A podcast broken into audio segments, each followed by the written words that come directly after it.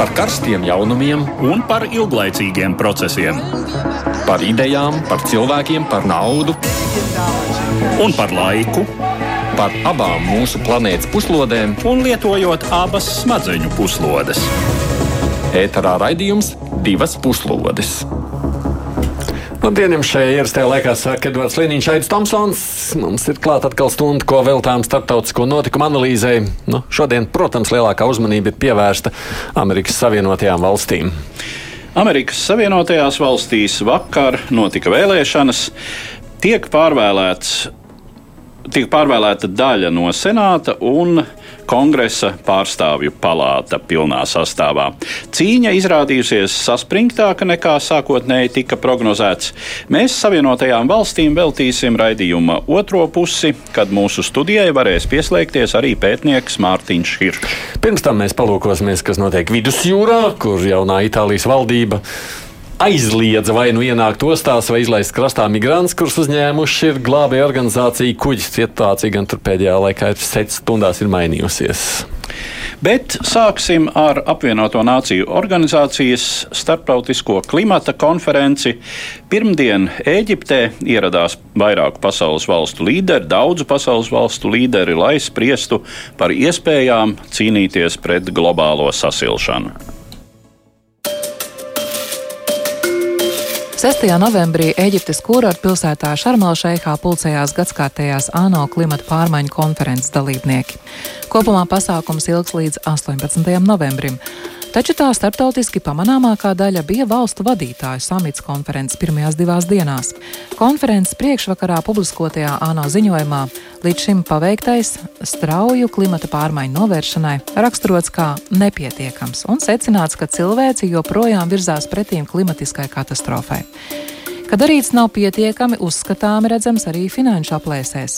Jau 2009. gadā pasaules attīstītās valstis apņēmās sniegt atbalstu attīstības valstīm, lai tās mazinātu kaitīgo izmešu apjomus un labāk pielāgotos klimata pārmaiņām. 2020. gadā šīs palīdzības apjomam bija jāsasniedz 100 miljardus dolāru gadā. Taču tas nav sasniegts joprojām un varētu tikt sasniegts tikai nākamgad. Tikmēr no attīstības valstu vidus arvien dzirdamāk izskan balsis, ka tām nepieciešams atbalsts arī klimata pārmaiņu radīto seku novēršanai vai mīkstināšanai. Tā mazās salu nācijas norāda, ka plūdi un viesuļvētras nopietni apdraud to sabiedrību līdzinējo eksistenci. Savukārt Ēģipte un vairākas citas Āfrikas valstis rosina noteikti dabas gāzi kā pārējais energoresursu, kur izmantošana būtu pieļaujama ilgāk nekā citiem fosilajiem kurināmajiem. Tāpat laikā savi pārmetumi no attīstīto valstu puses tiek veltīti arī attīstības valstīm.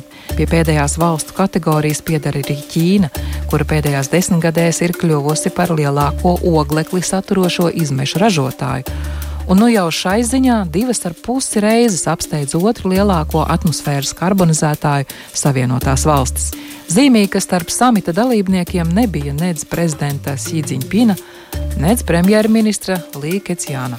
Samitam noslēdzoties un valstu galvām dodoties māju, pie darba ķērušies diplomāti un eksperti, risinot konkrētus jautājumus. Ir visai nepārprotami, ka sarunu vadmotīvs būs, cik naudas turīgā attīstītā pasaule būs gatavi izsniegt pārējai planētai. Var diezgan droši lēst, ka tās nebūs vieglas sarunas. Studijā kopā ar mums visu šo stundu būs arī žurnāla ir galvenā redaktora pienākuma izpildītājs Pauls Rauceps. Sveiks, Paul! Sveiks, Agi! Man liekas mazliet jocīgi, ka tas galvenais akcents šajā reizē visur tiek likts uz to, nu, cik bagātās valsts tagad ir gatavas kompensēt, jeb nu, tad, tad samaksāt nabadzīgajām valstīm par to, ka viņi cieš no sasilšanas. Pašu sasilšanu tas neaptur. Tā tas ir. Bet cilvēkiem ir nepieciešama palīdzība. Tas, Katrā šādā konferencē ir jābūt kādai virstēmai. Un tāpēc, ka šī konference notiek Ēģiptē, kura arī cieši no klimata pārmaiņām sakarā ar to, ka mm, viņiem grūtāk audzēt labību un, teiksim, grūtāk pabarot savus iedzīvotājus, tad, acīm redzot, nu, tā kopējā gaisotne tur ir tāda, ka šim ir jābūt galvenam jautājumam. Tas ir viens no un varbūt no cilvēces nākotnes viedokļa, kopējās nākotnes viedokļa, varbūt ne top jautājums, bet nu, tas skars, skar simtiem miljonus cilvēku, nu, par to arī būtu jārunā katrā ziņā. Nu jā, bet nu, labi, mēs esam sazinājuši arī šobrīd Latvijas valsts prezidentu Egilu Levitu. Egils Levits bija tas, kurš arī pārstāvēja Latvijas samitā. Levitkungs, labdien! Halo, vai es esmu pareizi pacēlis klausuli? Nē, esmu pareizi tādu pacēlis. Halo! Jā, labdien! labdien piedodiet.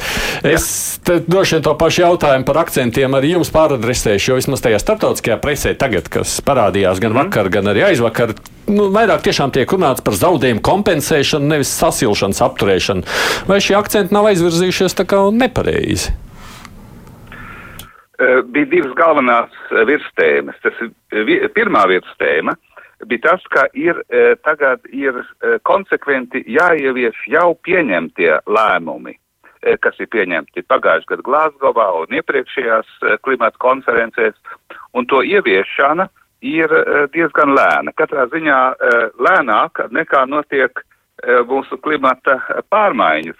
Straujā globālā sasilšana notiek uh, um, notiek ātrāk un straujāk nekā tas ir prognozēts. Tā pašā laikā ir, no, ir pieņemta lēmuma par pasākumiem, un uh, pasākumi ir vērsti uz sasilšanas uh, ierobežošanu, gan arī uz piemērošanās uh, jau karstākajam klimatam. Tā kā divi veidi, divi veidi pasākumi. Bet tie nav uh, pietiekošā mērā ieviesti. Tas ir viena tēma, tātad ieviešana, Un otrā tēma ir tā, eh, ka ir eh, jābūt eh, taisnīgai pārējai. Angliski to sauc just transition, tātad taisnīga pārēja uz jauno ekonomiku, kas mazāk kaitēs dabai un mazāk um, veicinās globālo sasilšanu. Un šeit patiešām ir problēmas, un problēmas ir uh, faktiski divu veidu problēmas. Viena dažām valstīm, kuras, eh, kuru ekonomika balstās uz, teiksim, dabas piesārņošanu.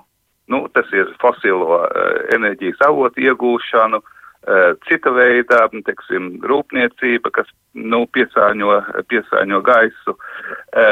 Tur ir arī jābūt zināmai palīdzībai vai, vai nu, teikt tā, palīdzībai un uh, un um, veicināšanai, lai šīs rūpniecības pāriet uz jauno, uh, uz jauno ekonomikas modeli. Tas ir viens. Un otrs ir tie, kuri cieš uh, visvairāk un proti tā, vis, uh, un vismazāk piesāņo dabu. Tās ir daudzas um, tā saucamo globālo dienvidu valstis. Ir kādas 15 stāvu valstis, kuras kuru, kurām vienkārši e, zeme sarūk, kur ūdens līmenis ceļās un samazinās e, teritoriju. Un dažām valstīm varētu būt tā, ka tas pat, e, teiksim, nākamos 50 gados varētu vispār pazust zem ūdens. Bet man jāsaka, ka tieši šis jautājums par palīdzību šīm visvairāk apdraudētajām valstīm, tas nav tikai šīs valstis, bet arī citas valstis, piemēram, Āfrikā sausums, e, plūdi. Pakistānā, viena trešdaļa iedzīvotāju e, cieta no, e, no plūdiem, kāda nekad nebija pieredzēta, vienlaicīgi karstums līdz 50 grādiem, vienkārši zeme kļūst vai valsts kļūst daļai neapdzīvojama. Tas rada arī uh, um, rada uh, draudus arī Eiropai, kas pat labāk vēl mazāk cieši arī Ziemeļa Eiropai, kur mēs to jūtam varbūt netieši, piemēram, klimata bēgļi. Tā kā šīs divi jautājumi. Tad, jā. Um, es sapratu, jā, bet tajā pašā laikā, vai tas nav tā, tā ciniski sacīšu, ne, tāda atpirkšanās, nu, mēs jau tur neko, mēs nespējam, kā redzam, īstenot vēl daudz iepriekšējās vienošanās, un laikam jau atskanēja arī tās balss, ka jau arī ar to nepietikt, lai apturētu šobrīd uh, to katastrofālās seks, nu, tad atpērkamies. Jā, es domāju, pat līdz atpirkšanai, līdz, līdz tam vēl nav, no, nav, nav pasaules valsts nonākuši. Tātad primārais mēģis ir samazināt sasilšanas tempu, tas būtu realistiski teikt. Sasilšanu mēs nevaram vairs samazināt, tas ir par vēlu, visas tās sekas iestāsies, bet, bet mēģis ir varbūt tomēr sasniegt to mērķi, kas bija uh, jau iepriekš nolēmts, sasilšana nedrīkst būt augstāk par 1,5 grādiem pasaules līmenī. Uh, arī tad jau tur būs pietiekoši daudz sekas. Un šeit Eiropa tomēr ir uh, visaktīvākā, iet vis tālāk, uh, vis, visvairāk, uh, kā sakot, dot um, savu pienesumu. Arī Amerikas Savienotās valstis Eh, bet eh, tur, protams, jāskatās, ka Ķīna um, ir, teiksim, diezgan atturīga, arī Indija ir atturīga, un mums jāpanāk globālā līmenī, jo nepietiek, ka, teiksim, daļa no pasaules uh, piedalās šajā sasilšanā. Un jau es pieminētā, piemēram, Ķīna un tam līdzīgi, tur jau daudz valsts līderi nemaz neieradās samitā. Tas taču arī par kaut ko Ķīna liecina. bija pārstāvēta, bet nebija, nebija līderu līmenī, tas ir pareizi, un tas jau, protams, ir politiska demonstrācija. Nu, katrā ziņā eh, Ķīna dod eh, vienu zināmu daļu no eh, pasaules teiksim, piesārņojuma, bet nu, lielākā daļa joprojām ir rietumvalstis, un rietumvalstis izjūt šo atbildību. Tā kā man jāsaka, ka um, tur ir gan vispārējos uh, politikas, uh, teiks, pol vispārējos politikas līmenī, bija uh, skaidrs aicinājums visiem uh, ievērot šo sasilšanas mazināšanas politiku. Otrakārt, paralēli, nevis aizvietot, bet paralēli sākt strādāt pie šīs taisnīgās pārējas. Tas ir ļoti būtiski, jo nu, tāda valsts kā Ēģipte, kas starp citu ir viena no bagātākajām e, Āfrikas valstīm, bet, piemēram, e, citas valstis kā Čāda, e, tur viņiem vispār nav nekādas iespējas, un tādēļ arī ir jāveicina šī, vai tiksim, šī nastu pārdale. Mm -hmm. Tātad mhm. kas dod joprojām lielāko daļu no piesārņojuma, ir uh, jāuzņemās zinām atbildība. atbildība. Labi, Kā tas mehānisms izskatīsies? Tas bija tika daudz, tika daudz par to diskutēts un, un uh, Es arī piedalījos diskusijās, tas ir pat labam vēl sākuma stadijā, bet šim mehānismam ir jābūt, un es domāju, ka e, konference beigsies um, pēc desmit dienām, tad um, būs arī attiecīga vienošanās panākt, kāds varētu ļoti aptuveni pagaidām šis mehānisms, bet, nu, um, un tad sākt strādāt jau pie detaļām. Okay. Paldies par iespēju sazvanīties. Latvijas valsts prezidents Egils Levits pie klausulas par to jēgu. Mm. No visa šī, kas tur notiek, notika divas dienas un notiks tagad tālāk līdz pat novembra 2. pusē, no 18. laikam. Nu, katru gadu, katru šī, gadu. kā šīs Vai, konferences pievērš pastiprināt uzmanību šīm problēmām. Tas, protams, ir viens. Labi. Tas ir labi, jā, par to ir jādomā. Lai gan es nākot šeit, apskatījos virsrakstus, eh, kārtējais temperatūras rekords, jā, 12. novembrim augstāk nomērītā temperatūra. 9. 9. 9. Jā, 9. Jā, es atvainojos. 12 grādi. es jā, jā. Nu, labi. Bet, nu, vārds sakot, tas.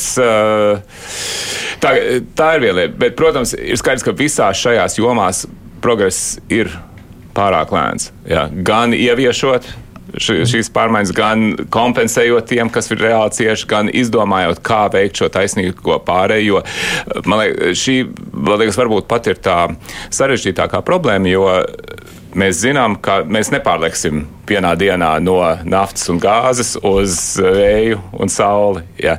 Bet kā efektīvi samazināt to šo fosilo kurināmo izmantošanu. Nu, Tajā, nē, nē, nu, Krievija palīdz, jā, bet teiksim, viena, viena no problēmām ir tāda, ka, teiksim, ka viens no palīdz iemesliem, pret savu gribu.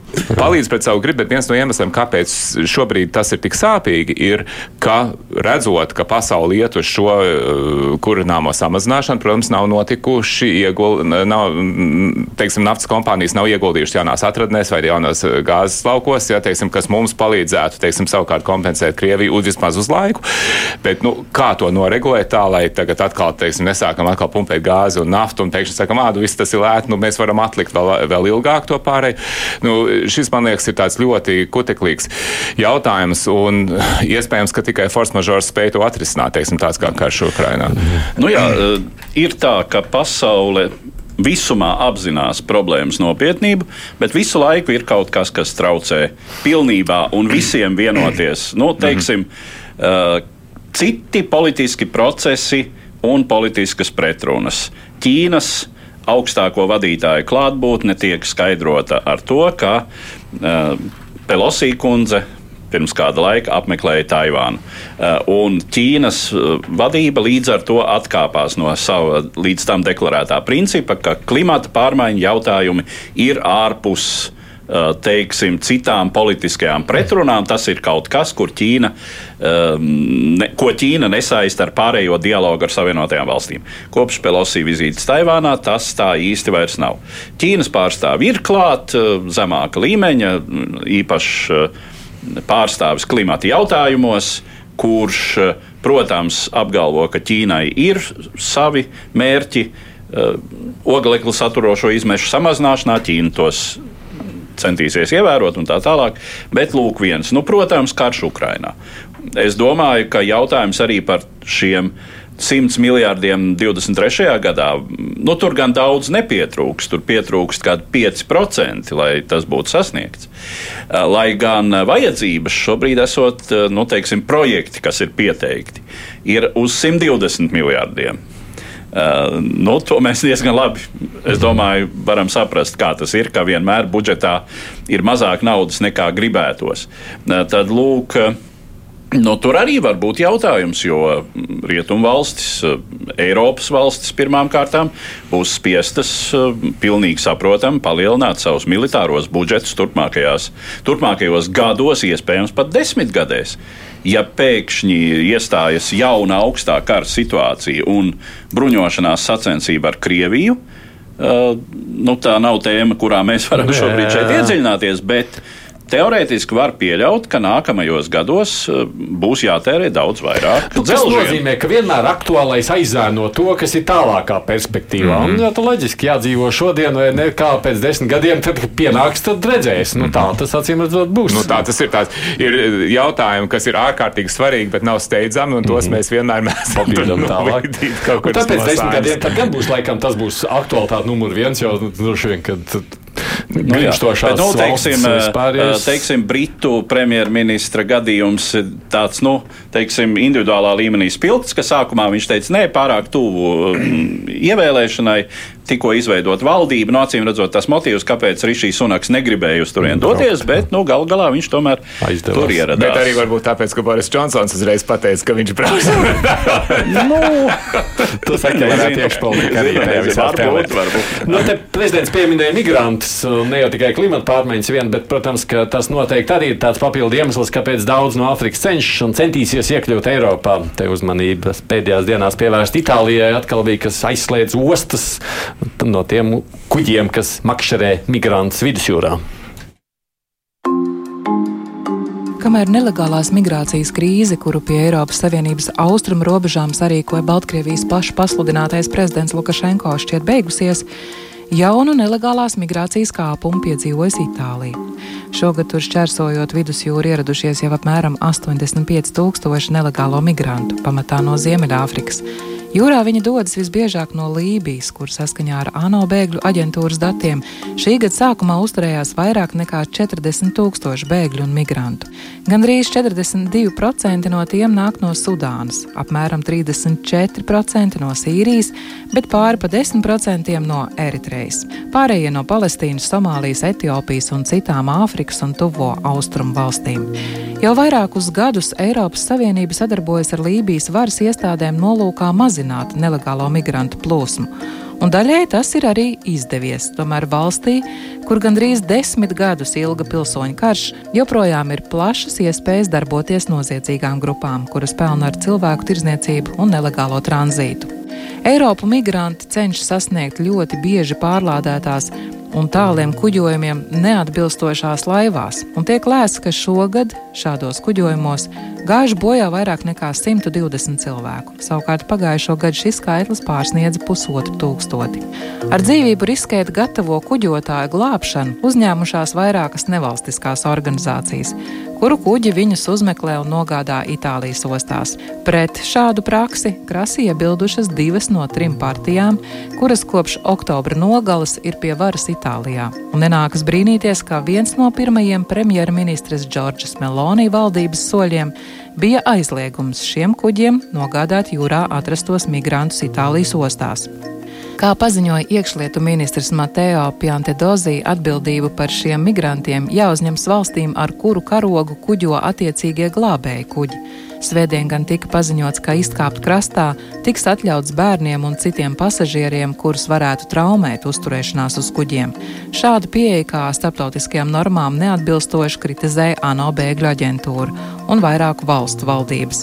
Savukārt nevalstiskās glābēju organizācijas plānoja vērsties pret Itālijas valdību tiesā.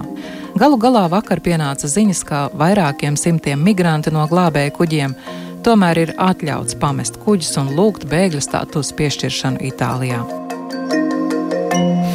Šobrīd visi migranti prom no kuģiem ir doti. Nu, cik es saprotu, tie apmēram tūkstotis, par ko uh, starptautiskā presa rakstīja pagājušās nedēļas beigās, kas bija uz vairākiem kuģiem Itālijas teritoriālajos ūdeņos vai šo ūdeņu tūmā. Uh, un uh, bija pavadījuši uz tiem kuģiem jau vairākas nedēļas dažos gadījumos, pie kam uh, tur bija sākusies vētru sezona. Līdz ar to ļoti problemātiski viņiem, tiem kuģiem sāk trūkt arī pārtikas, ūdens krājuma un tā tālāk. Uh, nu, es saprotu, ka šis tūkstotis pamatā ir nonācis krastā. Tā vismaz es. Uh, pārskatīju tos sarakstus, eh, to kuģu sarakstu, kur viņi šobrīd atrodas. Tas ir diezgan ātri atrodams eh, internetā. Un, Uh, viņi par visiem ir ziņas, ka viņi ir vai nu pamatā Katānijas ostā, tas ir Itālijas dienvidos, vai arī jau devušies atkal jūrā, nu cik var saprast, bez uh, migrantiem. Saprotu, vispār... viens, vismaz viens kuģis jau atkal ir atradis un uzņēmis. Nākošos migrantus. Es saprotu, ka vismaz viens arī dodas uz Franciju, te, kas ir Francijā reģistrēts, un tur, mm. tur taisās tos migrantus laist krastā. Jā, tā, iespējams jā. arī tā, jā. Bet, bet nu, tas Itālijas valdības tā kā nav lēmums, nav loģiski saprotams saprotams. Nu, Galu galā reiz no citas valsts kuģi ved pasažierus, lai ved uz savu valsti. I, nu jā, nu šis īstenībā man liekas, ka Itālijas valdības rīcība šajā gadījumā ir pat bijusi maigāka nekā iepriekšējā reizē, kad bija labējā valdība. Tā kā Mateo Salvini jā, ļoti Salvini. karstasinīgais imigrācijas apkarotājs bija iekšlietu ministrs, un tad eh, šāds pat humāna apsvērumi netika ņemt vērā. Jā. Spriežot par to, ko laist krastā un ko nelaist krastā. Bet, nu, Es saprotu, ka pēc eh, starptautiskām jūras tiesībām, ja nu, cilvēki ir nelaimē nonākuši uz jūras, pirmkārt viņi ir jāglābj. Ja, nevar tāpat vien viņus ļaut viņiem noslīgt, un otrkārt, tad jānogādā uz tuvāko ostu. Ja, tā, nu, tā, tas nu, tā, šajā gadījumā ir Itālija. Protams, te, te man liekas, tas vai bet, Malta starp citu, nu, bet nu, uz turieni nogādā salīdzinoši ļoti maz. Nu, jā. jo no turienes savukārt tālākais ceļš ir problemātisks. Jā, bet, tas, bet katrā gadījumā tas uh, skatīt šo problēmu tik šauros rāmjos, man liekas, nebūtu pareizi. Jo, jo te ir divi aspekti, kas, jā, nu, lai paskatītos uz visu bildi. Pirmkārt, kā jau jūs tajā sižetā pirms tam bija teikts, tie cilvēki, kas šobrīd atrodas Libijā, pārsvarā tiešām ir no kara plosītām valstīm - Sudāna, Sīrija, Ja, nu, tās, tā, tās ir vietas, kur tiešām notiek kārdarbība. Mums pie austrumu robežas, pie Baltkrievijā bija arī no tām pašām valstīm. E, jā, un tas jautājums tad ir, kurā brīdī viņiem un kādā veidā viņiem būtu tiesības iesniegt prasību mm. pēc patvēruma. Jā. E, šobrīd Eiropas politika, protams, Turcijā un Lībijā ir vienkārši viņus tur iespundēt un nu, tad, lai viņi paši tiek galā. E, lai izvairītos no tā, ka viņiem ir šāda jāmēro šis bīstamais ceļš pāri jūrai un dotu tiem, kuriem tiešām ir nu, tādas uh, tiesības uz patvērumu. Iespējams, ka būtu tajās valstīs jāveido kaut kādas aģentūras, kuras tad izskata viņu prasības tur, uz vietas. Jā, tas varētu arī šo spiedienu samazināt uh, uz robežām, tāpēc, ka, ja cilvēkam ir legāls veids, kā šīs prasības iesniegt, tad iespējams viņš mazliet. Iespējams, ka tad būtu vēl vairāk to prasītāju. Nu, mēs jau nu, zinām, nu, ka tomēr tas grūti, jā, nu, grūti spriest, teikt. Jā, grūti spriest, jo mēs, jo mēs redzam, nu, teiksim tā, te, patiesību sakot, tā bēgļu plūsma, teiksim, 15. gadā, tad, kad uh, nu, tur dažā, dažās valsts pieņem lēmumu vienkārši atvērt slūžas, protams, visi gāzās cauri, bet, bet tagad, patiesībā sakot, tās, nu, tas skaits nav tik liels, pat salīdzinot ar, nemaz nerunāt par 15 gadu, bet kopumā, ja teiksim, viņš nu, nav.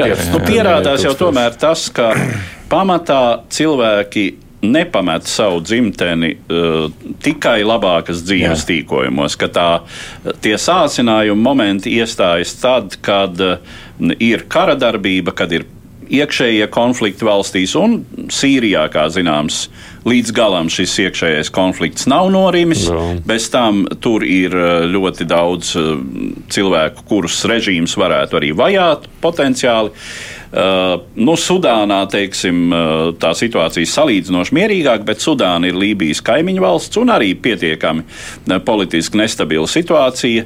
Sevišķi Sudānas um, Darfūras provincē, un tas ir tieši Sudānas rietumdaļā, kur, ir, kur, kura robežojas ar Lībiju. Mm. Nu, eh, attiecīgi, un arī pašā Lībijā, kā zināms, jā, tur nu, it kā jā, pilsoņu karš ir beidzies, nenotiek šobrīd vairs šī iekšējā kara darbība, bet politiskā situācija joprojām ir nestabila.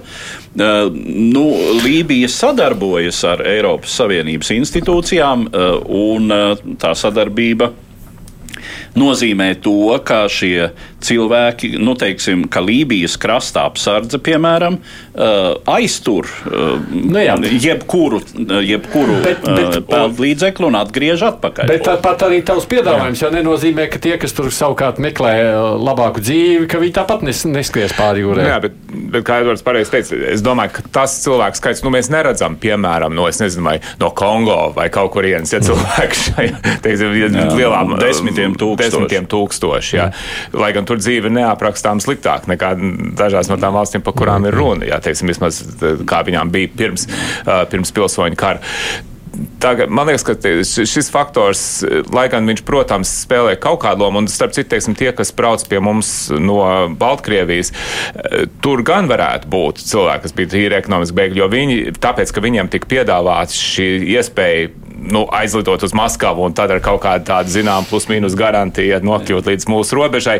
Nu, varbūt viņiem tas uh, apsvērums, tas risku un ieguvumu aps, tā, tā, tas līdzsvars mainījās, bet, bet pārsvarā cilvēkiem iedomājieties no, no, no kaut kādas no, uh, Āfrikas, viņpus Sahāras nonākt līdz Lībijai tas jau pats par sevi ir piedzīvojums. piedzīvojums jā. Jā, bet kas notiks ar to Itālijas, pabeidzot šo tematu, tālāko lēmumiem? Jo, nu, labi, šis ir pašlaik kuģis, bet nu, tur jau nebūs ne pirmais, ne pēdējais. Nu, eh, ir jautājums, vai eh, notiks kaut kāda tiesvedība šai sakarā, vai šīs organizācijas uh, vērsīsies tiesā. To es katrā ziņā neatrādu informāciju par to, ka prasība būtu iesniegta.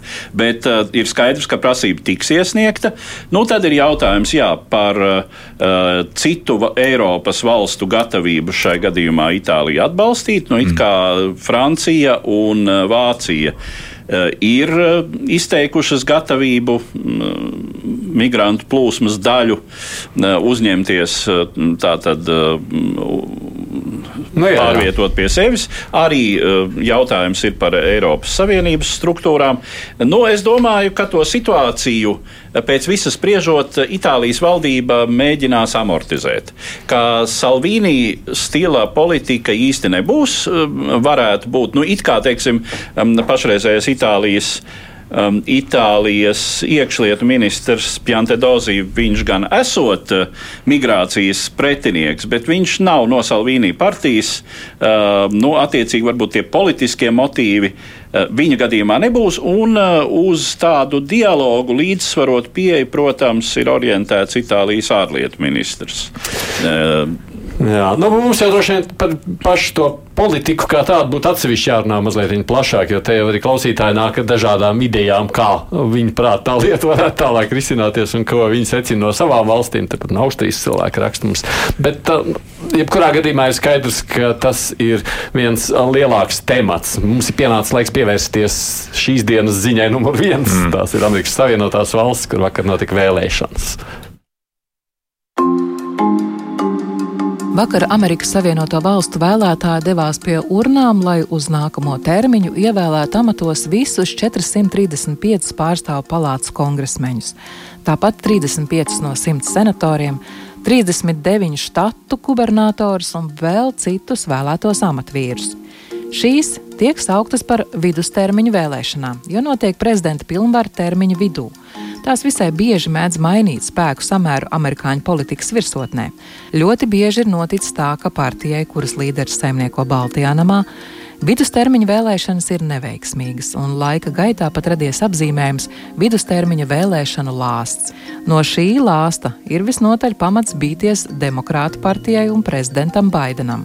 Cik tālu kongresa pārstāvu palātā demokrātiem līdz šim bija vien piecu balsu pārsvars. Savukārt senātā vietu skaits bija sadalīts līdzīgi, un demokrātu pārsvaru nodrošināja tikai priekšsēdētājs viceprezidentes Harisas balss, kas paritātes gadījumā bija izšķiroša.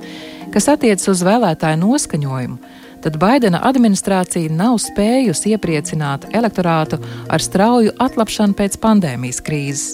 Pasaules politiskā situācija dzen uz augšu procentu likmes un degvielas cenas, un dzīves dārdzība Amerikā ir sasniegusi augstāko līmeni pēdējās četrās desmitgadēs. Prezidentam tāpat nav izdevies kaut cik nozīmīgi mazināt arī politiskās sašķeltības plaisu, un miljoniem amerikāņu joprojām tic eksprezidenta Trumpa pekstiņiem par nozagtajām vēlēšanām. Diezgan daudzi no republikāņu politiķiem kuri šai ziņā Trumpam piebalsojuši, tagad pretendē uz vietām likumdevēja rindās. Tiek pieļauts, ka Trumpam līdzīgu taktiku, apšaubot vēlēšanu rezultātus, varētu izmantot arī daži šajās vēlēšanās zaudējušie republikāņu kandidāti. Parlamenta nonākšana republikāņu rokās nesola prezidenta Baidena administrācijai neko labu. Līdzinājais republikāņu frakcijas vadītājs Kevins Makārtīs jau piesolījis, ka republikāņi metīšoties izmeklēt valdības darbību, tā izskaitā, piemēram, Savienoto valstu spēku aiziešanu no Afganistānas. Tāpat var sagaidīt sīkstu stīvēšanos ap jebkuru prezidenta likumdošanas iniciatīvu, budžeta jautājumiem un amatpersonu iecelšanu. Katrā ziņā republikāņu vairākums centīsies izspiest maksimālo efektu no savām iegūtajām pozīcijām, lai sagādātu sakāvu Baidenam 2024. gada prezidenta vēlēšanās. Agrāko prezidenta pieredze gan rāda, ka partijas neveiksme vidustermiņa vēlēšanās nebūtu nenozīmē valsts galvas sakāvi pirmā termiņa beigās. Kā Bills Klintons, tā Baraks Obama pēc šādiem paklupieniem ir spējuši uzvarēt vēlēšanās uz otro termiņu. Tiesa, abi tolaik bija gados jaunāki nekā pašreizējais prezidents. Divas puslodes. Sargādījums studijā kopā ar mums ir žurnālists Pauls Rauceps, nu, un caur Zoom mūsu studijā pieslēdzies arī Nacionālās drošības akadēmijas pētnieks Mārtiņš Kiršs. Labdien! Sveiki! Ko mums parāda tie jaunā rezultāti? Nu, nav līdz galam rezultāti, nav vai ne? Tāda nav joprojām. joprojām nu, jau arī šodien, man liekas, teiksim, ir ļoti iespējams, ka mēs to gala sadalījumu uzzināsim tikai pēc vairākiem mēnešiem, jo, ja viss būs atkarīgs no Džordžas štata senāta rezultātu, un tur ir uzvarētājiem jāsaņem vairāk par 50% absolūtos skaitos, tā ka, ja šoreiz, šoreiz ir trīs kandidāti. Ja neviens à. nesņem vairāk par 50%, tad viņiem būs otrā vēlēšana kārta. Mm, decembrī. decembrī jā. Jā. Nu, tur šobrīd it kā. Nu, demokrāts ir nedaudz priekšā, bet es saprotu, 50% viņam nebija pēdējais, kad skatījos. 96% saskaitīt, un tā jā. man rāda šobrīd jā. kaut kāds CNN. Bet nu, jūs abi īpaši rūpīgi sekojat Mātiņu un Pauli tiem notikumiem līdzi. Ko jūs sakāt par zināmajiem rezultātiem, Mātiņu? Nu, viens, ko mēs redzam, ir, ka šie Trumpa kandidāti, Trumpisti, kuri gan noliedz vēlēšanas, un aptuveni puse republikāņu noliedz, ka vēlēšanas, pagājušās prezidenta vēlēšanas bija leģitīmas, ka viņas netika nozaktas, ka viņiem negāja tik labi. Piemēram, Pensilvānijā tāds Trumpists kandidāts Mehmets Oss, ārsts, šo te sarunu šovu zvaigzne, kurš stāsta gan nu, medicīnu, gan arī alternatīvu medicīnu brīžiem, viņš zaudēja. Un vairāk citi šie Trumpa atbalstīti kandidāti, viņiem negāja tik labi. Tā kā tas, ko mēs jau redzam pēdējos gados, un arī redzēsim nākamos divus gadus, ir šī cīņa par, nu, par republikāņu partiju starp Trumpu, Trumpistiem un, un tādiem ierastajiem republikāņiem. Un pašlaik šie vēlēšana rezultāti vismaz līdz šim liecina, ka no nu, tiem Trumpa kandidātiem tik labi negāja. Tas ir viens, tas ir viens. Otrs, ko mēs redzam, bija bažas, kad būs republikāņu šis vilnis ASV kongresa vēlēšanās, arī štatos, bet to mēs arī neesam redzējuši. Nu, to vilni solīja, jo pašlaik ir diezgan milzīga inflācija Amerikā, nu arī pie mums, bet arī Amerikā. Kopumā Joe Bidenis kā prezidents nav populārs salīdzinot ar iepriekšējiem demokrātu prezidentiem, un tāpēc bija pamats bažām, kad jā, varētu šajās vidustermiņa vēlēšanās republikāņi vien daudz labāk, pašlaik izstāsta, ka ir nedaudz labāk apakšpalātā, par augstpalātu galīgi nav vēl skaidrs, kā tur būs, bet nav milzīgs republikāņu vilnis bijis, nu, kas liecina, ka šī Trumpa ietekme uz partiju nav palīdzējusi uzvarēt vēlēšanās atkal. No Trumps kaut kādā mērā ir zaudējis gan prezidenta vēlēšanas, gan šajās vēlēšanās nav bijis tas uzvarošais faktors, jo viņš aktīvi mēģināja spēlēt lomu, gan iesaistoties, gan nu, pusē kandidātu atbalsta Trumpa melus par nozagtajām vēlēšanām un citus Trumpa stāstus. Paula, varbūt, ka Trumps tieši traucējusi šajā reizē republikāņiem gūt uzvaru? Es domāju, ka daudzi republikāņi tā sāks domāt, jo viņš atbalstīja kandidātus, kuri iespējams šai republikāņu, karstasinīgiem republikāņiem bija tā tieši nu, tas, ko viņi gribēja, jo tie noliedz iepriekšējo vēlēšanu rezultātu, ja teiksim, lamāja demokrātus.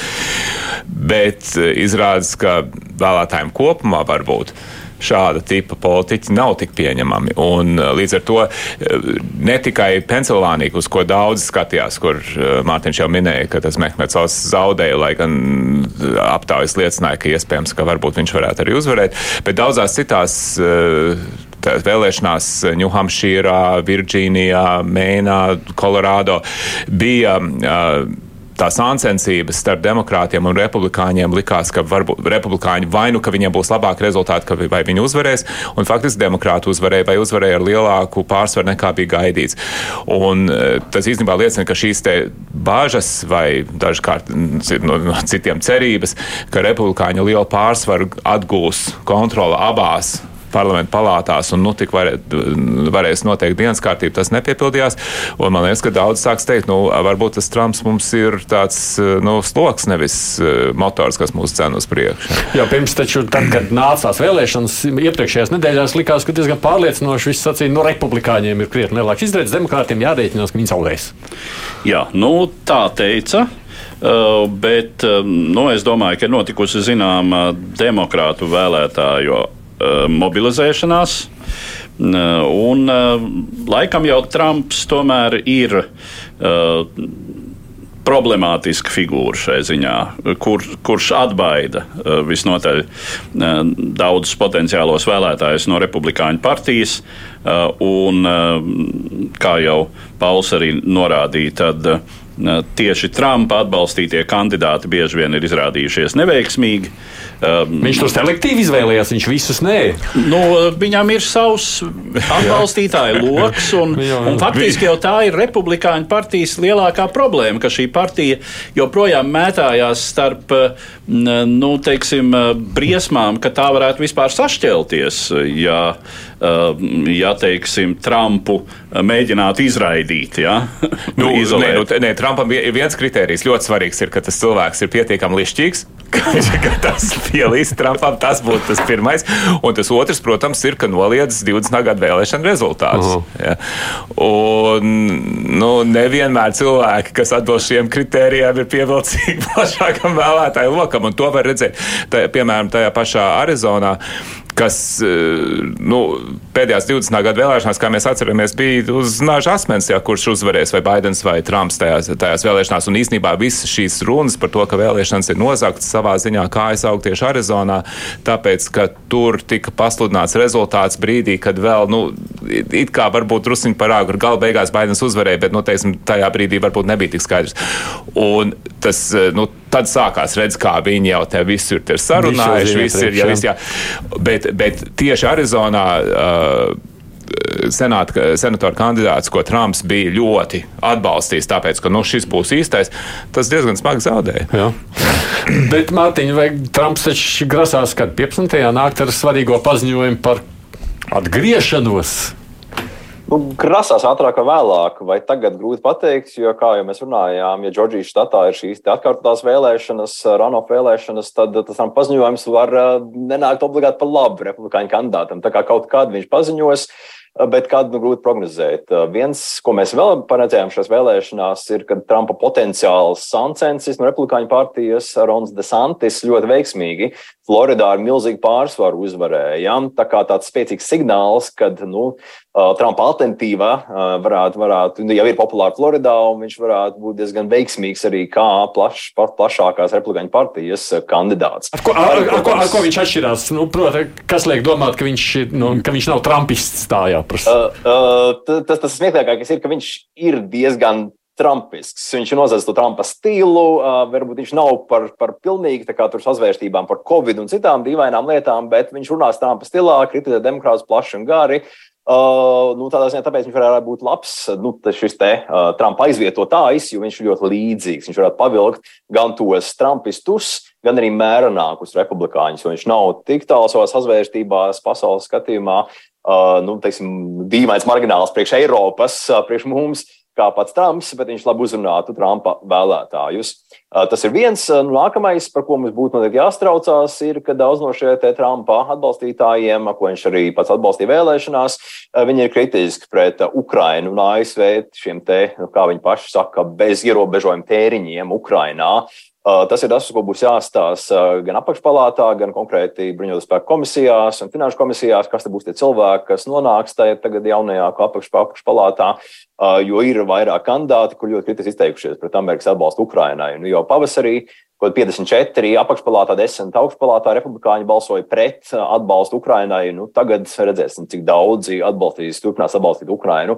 Tā kā tā varētu būt viena tāda tā, tā izmaiņa. Es par Ukrainu vēl mazliet atsevišķi runāšu mm. tālāk, bet skatoties vēl uz tiem iespējamo Trumpa atgriešanos, un mm. tiem, viņš jau tur saprata to pieminēto Floridas gubernatoru jau kaut kādu seksu skandālu grasās celt gaisā, ja, ja tas nu, kaut ko viņš kaut kāds mājienas par melno PR un savienu tur tā. Jā, jā, jā.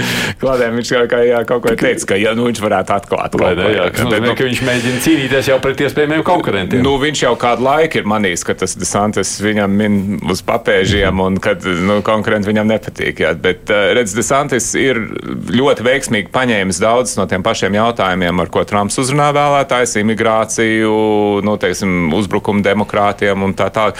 Bet vienlaikus viņš ir, uh, viņš nav ne tik impulsīvs, jā, viņš ir daudz disciplinētāks, daudz labāk organizēts. Es domāju, ka ja viņš būtu 20. gada 6. janvārī organizējis apvērsumu, tad tas būtu izdevies, oh, nevis izgāzies. Oh, oh, oh, oh. nē, bet, nē, visdrīzāk viņš neko tādu nebūtu nē, nu. No, es, es arī tā domāju, bet, bet, bet no otras puses, eh, es domāju, ja viņš tiek ievēlēts, viņš daudz mērķtiecīgāk strādās, lai sakārtot visu valsts sistēmu tā, lai republikāņi būtu vairākuma partija parlamentā un prezidenta līmenī vēl ilgs gads pēc tam. Un to var izdarīt eh, vienkārši ar likumdošanas izmaiņām, ja viņi tā labi grib. Ja. Un, eh, teicim, tas, ka republikāņiem tas ir svarīgs mērķis, viņš gan zaudēja, bet Viskonsīnā bija uh, gubernatora kandidāts, kurš paziņoja pirms nedēļas. Viņš teica, ja es uzvarēšu vēlēšanās, republikāņi šajā štatā nekad vairs nezaudēs. Saprotiet, nu, tā, tā vairs nav demokrātija. Tie ir cilvēki, kuri runā par reālu demokrātijas iznīcināšanu, nevis par tās tādu bažu par to, kas notiks tālāk. Nu, es, teiksim, es domāju, ka, te, protams, šie rezultāti ir. Uh, es netieku, ka viņi man dara, op, viņi dara optimistisku, bet katrā ziņā viņi nav ne tuvu tik slikti, kā viņi varēja būt. Un tie dod cerības, ka tomēr tā situācija neizvērtīsies tik drausmīgi dramatiska, bet tas, ka ir republikāņi, kuri, kuriem demokrātiskās sistēmas saglabāšana uh, nav prioritāte, maigi sakot, tā tas ir un viņi nekur nepazudīs. Vēlēšanas ir sākušās prezidenta, var teikt, jau vai ne Amerikā? Nu, viņas nekad nav beigušās. Jā, tieši tā. Kad tās vispār beidzas. Bet uh, nu, tā trumpisma problēma ir un būs acīm redzot klātesoša. Un ievērojot Savienoto valstu uh, proporcionālo ietekmi pasaulē, nu, tā ir ne tikai Savienoto valstu iekšēja problēma. Ja demokrātija Savienotajās valstīs uh, sāk grīļoties vai kļūst īpatnēja, nu, tad, tad tas ir ļoti nopietni. Tās ir ļoti nopietnas problēmas, tā skaitā mums. Mm -hmm. Bet Baidena tā nepopularitāte, Mārtiņa, nu, tā, tā, kas šobrīd arī demokrātiem nu, ir lielais, lielā problēma. Nu, līdzīgi kā republikāņiem ir grupējumi, ir Trumpa grupējums, un vairāk tie klasiski republikāņi arī demokrātiem ir grupējumi ir Bernijs Sanders, nu, to, ko mēs saucam par sociāldemokrātiem, ko Amerikā lamā par sociālistiem, komunistiem, nu, kas grib vairāk ieguldīt vienlīdzībā, vairāk ieguldīt valsts infrastruktūrā. Nu, tā ir viens grupējums demokrātos un kopumā. Nu, Līdzīgi kā Trumps ir populārs vienā republikāņu grupējumā, mazākumā, tāpat arī šie te, nezinu, vidusmēra demokrāti nav sajūsmā par Baidenu. Un tā ir liela problēma, protams, demokrātiem, kad uh, viņu prezidenta kandidāts uh, nu, nav tā kā Baraks Obama, kurš patīk lielā mērā visiem demokrātiem, arī neitrālajiem kan, uh, pilsoņiem, kur nebalso ne par vienu, ne otru partiju. Obama bija populārs, Baidens daudz, daudz, daudz mazāk populārs. Salīdzinot ar, nezinu, pašu Clintonu, ar Obamu, viņš ir nepopulārākais, kāds ir bijis daudzos desmitos gados, demokrāta prezidents. Nu, kā mēs redzam, šajās vēlēšanās tas nenospēlēja tik ļoti par sliktu demokrātiem, bet tā bija viena no bažām, kas, kas, kas, kas baidīja demokrātus, ka viņi varētu smagi zaudēt. Nu, acīm redzot, tā Baidena platforma un arī vēlēšana runas par šo demokrātijas eroziju, graušanu, ko republikāņi var mēģināt darīt. Nu, daudz kandidāti arī ir solījuši neatzīt vēlēšanu rezultātus. Daudz kandidāti runājuši par nu, šīm sadarbības teorijām, par noziegtām vēlēšanām. Acīm redzot, tas ir nostrādājis. Pat ja Baidens nav populārs, tad demokrāti mobilizējās un gāja uz vēlēšanām balsot. Nu, mēs redzam, ka nav tik slikti. Nu, cik, cik, cik labi būs, to mēs redzēsim nākamajās stundās, dienās bet nav tie sliktākie scenāriji notikuši. Bet demokrātiem jādomā, vai ne? Ko darīt? Viņi jau ir sākuši domāt, un tās debatas demokrāta partijas iekšienē par jautājumu, vai Baidenam vajadzētu atkal kandidēt vai nē, jau notiek diezgan aktīvi. Viņš gan pats ir, nu, vismaz caur saviem pārstāvjiem, teica, ka jā, viņš noteikti kandidēs, bet, nu, vēl ir divi gadi, redzēsim. Katrā gadījumā tās vēlēšanas savā ziņā gan parāda, ka uh, prezidenta popularitāte varbūt nav vairs tik svarīga, kā tā bija agrāk, jo ir bijušas agrāk šīs te, um, vidustermiņa vēlēšanas, kur prezidenta popularitāte ļoti nopietni ietekmēja to, kādi rezultāti bija partijai. Jo pastāvēja vēl aizvien diezgan liels skaits vēlētāju, kur dažkārt balsoja par republikāņiem, dažkārt par demokrātiem. Turklāt arī nebija novilkts šīs uh, vēlēšana apgabala tās robežas tā kā viņas tagad tiek pār, nu, pārvilkts. Daudzos štatos ik pa desmit gadiem ir ir iespēja uh, no jauna vilkt robežu šiem apgabaliem.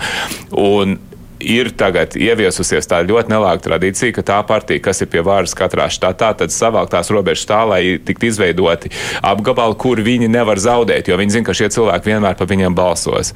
Un tad līdz ar to arī tā sāncensība samazinās, un cilvēki aizvien vairāk vienkārši, nu, ja tu balso par republikānu, tu balso par republikānu vienalga, kas kandidē no republikāņiem. Ja tu balso par demokrātiem, tad vienalga, un šie, kas var balsot par vienu vai otru, kļūst aizvien mazāk.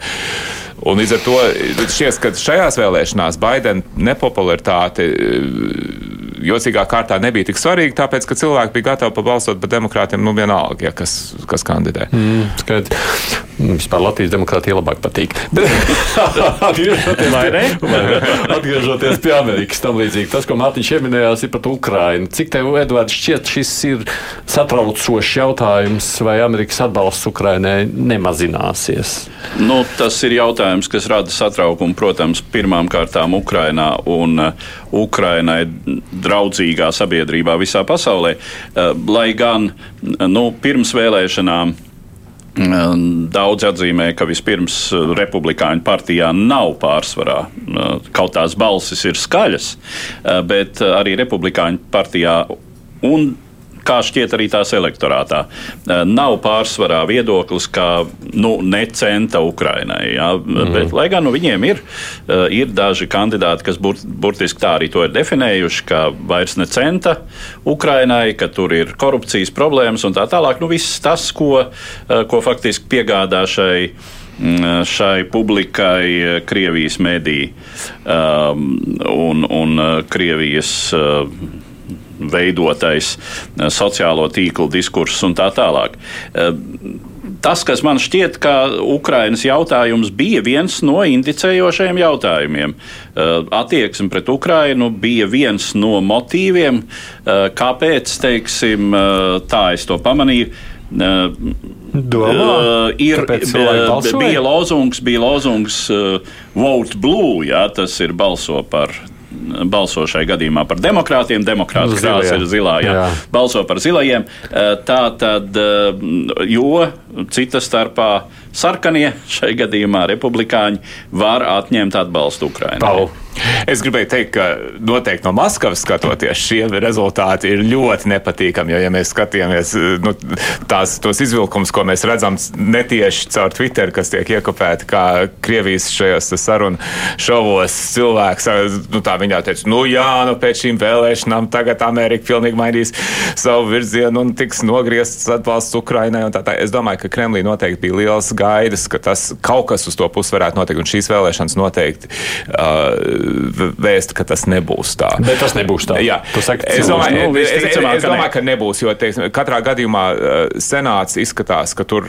Nu, Visdrīzāk demokrāti saglabās tur, tur nu, teiksim, Vismaz tur, 50 uz 50 jā, tur, apmēram bet, bet, tur, bet tur Nu, tā noteikti tas būs, ir status tur, quo. tur, kā noteikti, tur noteikti būs vairākums. Uh, Ukraiņas atbalstītājiem, eh, man liekas, teiksim, ņemot vērā, ka tie trumpisti nav bijuši sevišķi veiksmīgi un uh, republikāņu vairākums, ja tas būs pārstāvju palātā, būs arī salīdzinoši neliels, arī, arī tur tas nebūs izteikti. Un man liekas, ka arī tas parādīs, ka šiem cilvēkiem nav īsti, nu, viņiem būs jāsāk domāt par svarīgākām lietām nekā par Ukraiņu. Bet ir viens bīstams faktors, un aptaujas rāda, ka daļai Fox News ietekmē un daļai šo dažu kandidātu ietekmē republikāņu balsotāji repu, ir uh, viņu. Uh, bija, bija aptauja Wall Street Journal, kas martā prasīja, vai mēs pārāk palīdzam Ukrainai, mm -hmm. un tobrīd 6% republikāņi teica jā. Tagad, oktobrī, to pašu jautājumu uzdodot, jau 48% republikāņi teica, ka mēs pārāk daudz atbalstu sniedzam Ukrainai. Jā. Tā ka kaut kādas šīs pārmaiņas tajā partijā notiek, bet es gribēju vēl pieminēt, tu teici par uh, no. demokrātiju. Es pilnīgi piekrītu. Es domāju, ka mažoritārai demokrā, uh, sistēmai ir ļoti liela trūkumi, un tāpēc es ar lielām šaubām, ja mēs uz brītiņu drīkstam pievērsties iekšpolitikai, tiem, kas tagad runā par šo dalīto sistēmu un mažoritārās sistēmas ieviešanu, uh, nu, tur ir varbūt diezgan nepatīkams blaknes. Par to mēs nerunāsim, bet tā pavisam īsi izskaidrojiet. Jūs, Pauls, Mārtiņ, varbūt mēs te producenti pirms raidījuma runājam, kāpēc viņi tik bieži pārvēl, vai ne? Kāpēc vajadzīgs ir tās vidas, nu, kāpēc vispār uz diviem gadiem tikai? À, nu, tad mums ir jāskatās atpakaļ uz Amerikas konstitūcijas uh, tapšanu, jo, jo, jo Amerikā bija um, tēvi dibinātāji, bija lasījuši daudz par demokrātijas uh, vēsturi un trūkumiem Grieķijā, senajā un Romā un tā tālāk. viņi Līdz nāca- viņiem nekādas demokrātijas prakses tikpat kā nebija pasaulē. Viņi bija daudzā ziņā pirmie. Nu, nē, nu, bija nē, nu, kaut kādas vēlēšanas. Vairāk, bet- vairāk jau tas jā. bija tā vēsturiskās atmiņas līmenī. Bet, nu, jā, bet viņi to visu bija izpētījuši un saprata, un viņi bija nākuši pie secinājuma, lai izveidotu efektīvu demokrātiju, ir jābūt līdzsvaram starp tā teikt populāram un aristokrātiskam elementam. Jā, Mhm. mm. tā, jo, jo pārāk daudz aristokrātisms nozīmē, ka cilvēki neņem vērā to, ko domā tauta, un līdz ar to kaut kādā brīdī no, nobriest revolūcija. Bet, ja, ja ir tikai tauta, tad atkal viss ir ļoti svārstīgi un nav ir nekādas stabilitātes.